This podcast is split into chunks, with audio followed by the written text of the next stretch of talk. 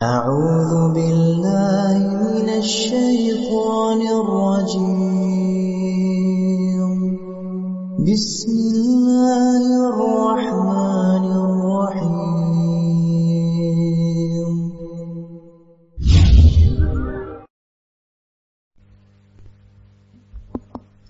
السلام عليكم ورحمة الله وبركاته. إن الحمد لله نحمده ونستعينه ونستغفره ونعوذ بالله من شرور أنفسنا وسيئات أعمالنا. من يهد الله فلا مضل له ومن يضلل فلا هادي له. أشهد أن لا إله إلا الله وحده لا شريك له. وأشهد أن محمدا عبده ورسوله. يا أيها الذين آمنوا اتقوا الله حق تقاته ولا تموتن إلا وأنتم مسلمون. يا أيها الناس اتقوا ربكم الذي خلقكم من نفس واحدة وخلق منها زوجها وبث منهما رجالا كثيرا ونساء. واتقوا الله الذي تساءلون به والأرحام. إن الله كان عليكم رقيبا. يا أيها الذين آمنوا اتقوا الله وقولوا قولا سديدا. يسرح لكم أعمالكم ويغفر لكم ذنوبكم. ومن يطع الله ورسوله فقد فاز فوزا عظيما. أما بعد فإن خير الكلام كلام الله وخير الهدي هدي محمد صلى الله عليه وسلم. وشر الأمور محدثاتها وكل محدثة بدعة وكل بدعة ضلالة وكل ضلالة في النار. أيمن جمعة جمعة رحيمكم الله وعازاكم الله أوصيكم وإياي بتقوى الله حق التقوى بامتثال أوامره واجتناب نواهيه. أيمن جمعة جمعة rahimakumullah. Wa azakumullah marilah kita semua selalu bertakwa kepada Allah Subhanahu wa taala. Marilah kita menjalankan semua perintah-perintah Allah Subhanahu wa taala. Dan menjauhi segala perkara yang dilarang Allah Subhanahu wa taala. Marilah kita menjalankan semua perintah Rasulullah sallallahu alaihi wasallam dan menjauhi segala macam perkara yang dilarang oleh Rasulullah sallallahu alaihi wasallam. Marilah kita menghidupkan sunnah Rasulullah sallallahu alaihi wasallam. Yang mana siapa saja yang mengikuti sunnahnya akan diampuni Allah Subhanahu wa taala dan akan dicintai Allah Subhanahu wa taala. Dan marilah kita semua meninggalkan segala macam bid'ah perkara-perkara diadakan dalam agama. Karena sungguh Rasulullah sallallahu alaihi wasallam mengancam pelakunya dengan neraka. Ayolah minun jamaah jumaah rahimakumullah wa azakumullah. Marilah kita semua bersyukur kepada Allah subhanahu wa ta'ala yang telah memberikan nikmat yang terbesar pada kita semua. Nikmat yang agung yang tiada taranya di dunia yaitu nikmat hidayah petunjuk kepada agama yang lurus agama Islam satu-satunya agama yang diridhai Allah Subhanahu wa taala. Sebagaimana Allah firman dalam kitabnya Inna dina inda Allahil Islam. Sesungguhnya agama yang tidak dari Allah Subhanahu wa taala hanyalah Islam. Dan siapa yang mencari selain Islam dari agama, maka dia akan merugi dan akan kekal di neraka. Yang mana Allah berfirman dalam kitabnya, "Wa may yabtaghi ghairal islami dinan fala yuqbala minhu wa huwa fil akhirati minal khasirin."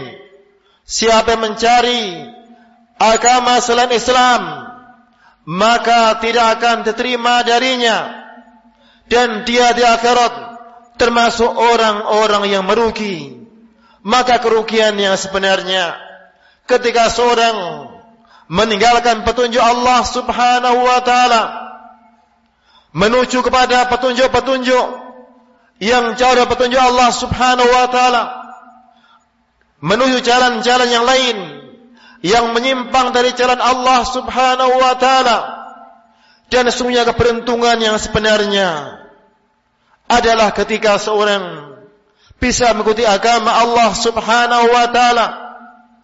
Karena Allah Subhanahu wa taala telah menjamin siapa saja yang mengikuti agamanya bahwa dia akan bahagia di, di dunianya dan, dan juga di akhiratnya. Siapa saja yang mengikuti petunjuk Allah Subhanahu wa taala maka dia akan mendapatkan keberuntungan yang abadi di dunia dan di akhiratnya. Dan Islam adalah mengikuti petunjuk Allah subhanahu wa ta'ala dari kitabnya dan juga mengikuti petunjuk Rasulullah sallallahu alaihi wasallam dari sunnahnya yang kitab Allah sifati adalah petunjuk yang lurus. In hadzal Quran yahdi lillati aqwam. Sungguh Al-Quran ini memberikan petunjuk kepada jalan yang lurus. Yang mana Allah menjanjikan siapa saya mengikutinya akan mendapatkan kebahagiaan dunia dan akhiratnya. Dan sesungguhnya janji Allah Subhanahu wa taala adalah berlaku bagi siapa saja yang melaksanakan Islam dengan sempurna. Maka janji Allah bagi siapa saja yang melaksanakan Islam dengan kebaikan berlaku bagi siapa saja yang menjalankan Islam dengan sebenar-benarnya. Ketika seorang menjalankan Islam dengan sempurna, maka sempurnalah janji Allah Subhanahu wa taala yang dia akan mendapatkan petunjuk di dunia, mendapat petunjuk di akhirat menuju surga, akan aman di dunia dari fitnah syahwat dan syubhat, akan aman di akhirat di adab Allah Subhanahu wa taala. Tapi janji Allah ini berlaku bagi siapa saja yang memenuhi dari syaratnya, yaitu menjalankan Islam secara keseluruhan. Semakin dia sempurna amalannya dan juga sempurna dari keislamannya, maka sempurna janji Allah Subhanahu wa taala. Dan ketika berkurang dari keislamannya. Berkurang pura janji dari Allah subhanahu wa ta'ala. Sebagaimana berkurangnya keamanan dari orang yang mereka meninggalkan sebagian dari Islam. Ayuhal mu'minun, jamaah jum'ah, rahimakumullah, wa'asakumullah. Allah subhanahu wa ta'ala menganjurkan kita semua memerintahkan kita semua akan dengan Islam secara utuh, secara menyeluruh. Yang maha firman dalam kitabnya, Ya ayuhalladzina amal dakhulu fisilmi kafah. Wahai orang yang beriman, masuklah kalian ke dalam Islam secara keseluruhan. Wala tatabi'u khutuwati syaitan. Dan janganlah kalian mengikuti jalan-jalan syaitan innahu lakum aduwwum mubin. Sungguh syaitan adalah musuh nyata bagi kalian. Maka yang wajib bagi setiap mukmin yang beriman pada Allah Subhanahu wa taala adalah mengikuti seruan Allah Subhanahu wa taala. Karena setiap seruan Allah adalah perkara yang menghidupkan perkara yang menghidupkan ruhnya dan membawa kebahagiaannya dan di antara seruan Allah Subhanahu wa taala yang tadilah kita dengarkan adalah seruan agar kita mengikuti agama Islam dengan sempurna dengan kafah secara keseluruhan. Kemudian juga Allah mengingatkan kita jangan mengikuti jalan-jalan syaitan yang mereka hendak memisahkan kaum muslimin di dalam agamanya hendak memisahkan kaum muslimin dari agama yang lurus sehingga sebagian mereka mengimani sebagian dari Islam kemudian mengingkari yang lainnya mengimani sebagiannya dan mengkufuri sebagiannya. Maka inilah jalan syaitan hendak menggelincirkan manusia dari agama Allah Subhanahu wa taala. Maka seorang mukmin adalah yang sempurna di dalam itibanya pada jalan Allah Subhanahu wa taala. Allah merintahkan untuk mengikuti jalan agama Allah secara kafah.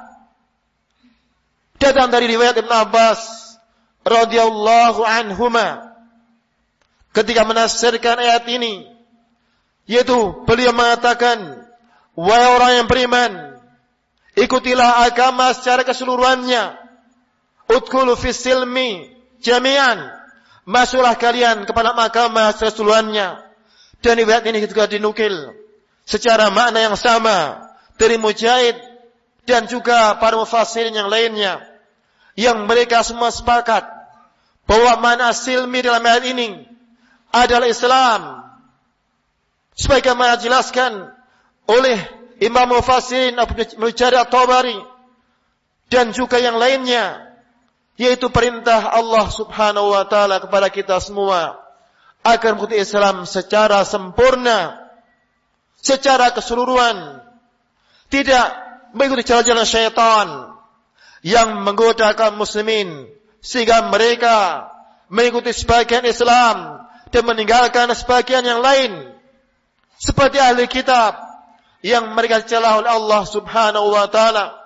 Ketika Allah firman pada mereka afatu'minuna bi ba'dil kitab wa takfuruna bi ba'd? Apakah kalian mengimani sebagian kitab Allah kemudian mengkufuri yang sebagian yang lainnya ini adalah jalan ahli kitab yang kita selalu berdoa pada Allah Subhanahu wa taala agar kita dijauhkan darinya. Di dalam setiap rakaat salat kita, kita berdoa pada Allah Subhanahu wa taala ihdinas siratal mustaqim. Ya Allah tunjukkan kami jalan yang lurus. Siratal ladzina amta alaihim. Jalan orang yang keberi nikmat daripada nabi, para siddiq dan para syahid dan orang saleh. Ghairil maghdubi alaihim. Bukan jalan orang yang dimurkai, yaitu orang Yahudi dan semisal mereka waladhalin dan bukan jalan orang-orang yang sesat yaitu orang Nasrani yang orang Yahudi disifati bahwa mereka tahu tentang ilmu tapi tidak mengamalkannya ada pun orang Nasrani mereka beramal tanpa ilmu ini bukan jalan seorang mukmin jalan seorang mukmin adalah mereka berilmu dan mengamalkan ilmunya inilah jalan seorang mukmin yang kita selalu berdoa pada Allah Subhanahu wa taala agar bisa menempuhnya. Ayo minun jamaah-jamaah rahimakumullah wa asikumullah. Allah telah merintahkan kita, menyeru kita dan seruan Allah adalah paling pantas kita penuhi. Agar kita masuk Islam secara kafah, secara keseluruhan. Dan puncak amalan Islam adalah meyakini tentang Allah subhanahu wa ta'ala ada satu-satu zat yang wajib kita sembah yang wajib kita ibadai yang kita dilarang memberikan ibadah pada selain Allah subhanahu wa ta'ala. Inilah puncak dari aman Islam. Sebagaimana Rasulullah bersabda dalam hadis yang sahih ketika menyebut cabang-cabang keimanan al-imanu bid'un wasab'una syubah. Iman ada 73 lebih dari cabang. A'la kalimatul la ilaha illallah yang paling tinggi adalah kalimat la ilaha illallah. Wa adna imatatul adha an tariq. Yang paling rendah adalah menghilangkan gangguan di jalan. Wal haya'u syu'batu minal iman. Terasa malu adalah bagian dari cabang keimanan. Allah memerintahkan kita menempuh. Untuk menempuh jalan yang lurus masuk agama secara keseluruhan. Dan puncak dari agama akidah yang sahih yang wajib kita yakini pada Allah Subhanahu wa taala. Wajib kita yakini saat Allah satu-satunya pencipta. Satu-satunya kita ibadahi bukan kepada yang lainnya. Tidak boleh beribadah kepada berhala-berhala. Tidak boleh beribadah kepada orang yang sudah mati. Tidak boleh beribadah kepada bintang-bintang matahari dan bulan. Karena mereka semua adalah makhluk Allah Subhanahu wa taala yang mereka tidak pantas diibadahi karena mereka bukan pencipta seluruh alam semesta. Maka yang pantas ibadahnya Allah Subhanahu wa taala satu-satunya pencipta alam semesta yang wajib kita beribadah semata kepadanya.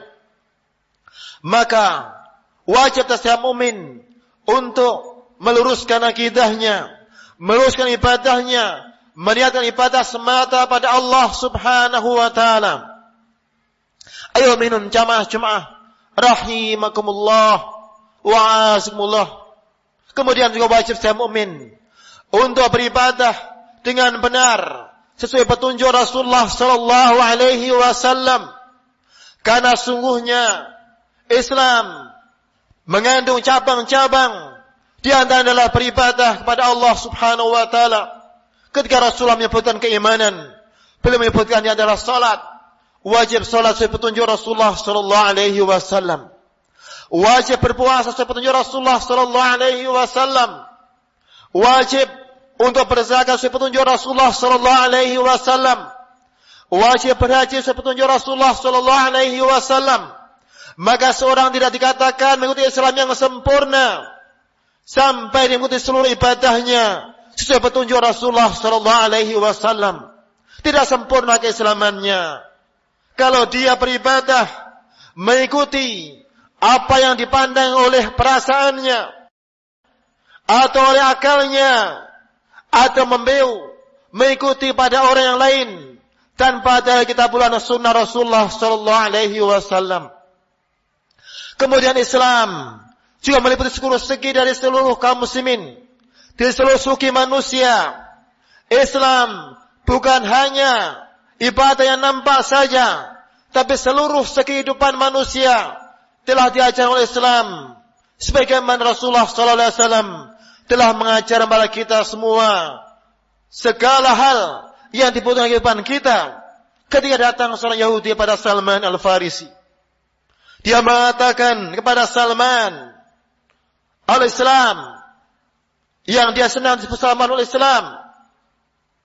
Apakah Rasul kalian mengajari kalian semuanya? Maka kata Salman mengatakan ajal, iya benar. Rasulullah mengajari kami semuanya hatta al-khira'ah sampai tentang ada buang hajat. Rasulullah mengajari pada kami. Maka apapun yang dalam ajaran Islam semua adalah agung. Semua wajib dihormati. Semua wajib dimuliakan. Tidak ada dalam ajaran Islam perkara yang diremehkan. Atau perkara yang kecil. Atau perkara kulit. Semua adalah isi. Semuanya adalah penting. Kan Rasulullah SAW mengantungkan kemuliaan masuk kemuliaan umat ini dengan bagaimana petunjuk Rasulullah dalam semua seginya. Ketika Rasulullah bersabda, menceritakan tentang keutamaan berbuka, maka beliau mengatakan, La zala ummati bi khair ma'ajal fitr. Senantiasa umatku dalam kebaikan selama mereka menyegerakan berbuka. Demikianlah umat Islam dalam kebaikan ketika mereka mengikuti sunnah sunnah Rasulullah sallallahu alaihi wasallam di dalam kehidupannya mengamalkan sunnah-sunnah tersebut dengan berusaha segala sempurna sekuat tenaga di dalam penampilannya, penampilan yang islami, seperti petunjuk Rasulullah sallallahu alaihi wasallam. Pemikiran-pemikiran islami, mengikuti pemikiran Rasulullah sallallahu alaihi wasallam, tidak mengikuti pemikiran orang kafir yang mereka jauh dari agama. Dan Rasulullah melarang kita menyerupai siapapun dari orang kafir dalam khas mereka. Bahkan memancam kita semua mantasyaba biqaumin fawa minhum. Siapa yang mempunyai suatu kaum maka dia termasuk mereka ayo minun jamaah Jumat rahimakumullah wa asmullah marilah kita semua bertakwa kepada Allah Subhanahu wa taala. Mari kita menjalankan kami agama Islam secara sempurna. Dengan berusaha untuk mengkajinya mempelajarinya. Tidak mungkin seorang bisa mengamalkan Islam dengan sempurna kalau dia tidak tahu tentang Islam. Tidak mungkin seorang Muslim bisa mengamalkan dengan benar kalau dia tidak mengetahui agamanya. Ini menurut kita untuk belajar agama dengan sungguh-sungguh ketika nyawa kita masih di badan kita. Kita berkewajiban belajar agama. Barakallahu kita kitabih wa qulu ma tasma'un wa salwakum wa astaghfirullah lakum wa lisal muslimin kulli dhanbin fastaghfiru innahu ghafurur rahim.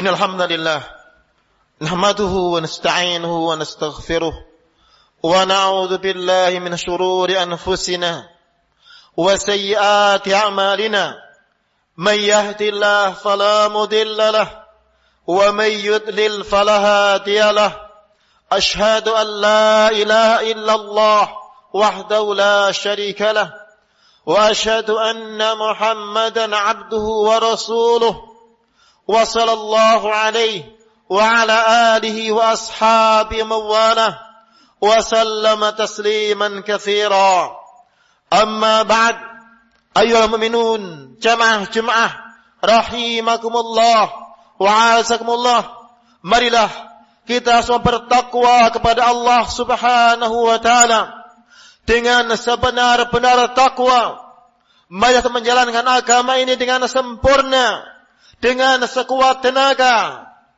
di dalam seluruh kehidupan kita agar kita mendapatkan janji Allah dengan sempurna. Lihatlah bagaimana Rasulullah sallallahu alaihi wasallam dan juga para sahabatnya mereka mendapat janji yang penuh, mendapat keutamaan yang penuh dari Allah Subhanahu wa taala tatkala mereka menjalankan Islam dengan sempurna. Ya Rasulullah SAW bersabda, dalam hadis yang sahih nusiratu bira'bi masirata syahrin. Aku diberi pertolongan Allah. Ketakutan rasa gentar pada musuh sejauh sebulan perjalanan. Sebelum Rasulullah dan juga para sahabat datang pada musuh mereka sudah gentar ngeri. Dengan Rasulullah SAW dan juga para sahabat. Inilah dapatan mereka. Yang mereka mendapat mulan itu ketika mereka menjalankan Islam dengan sempurna.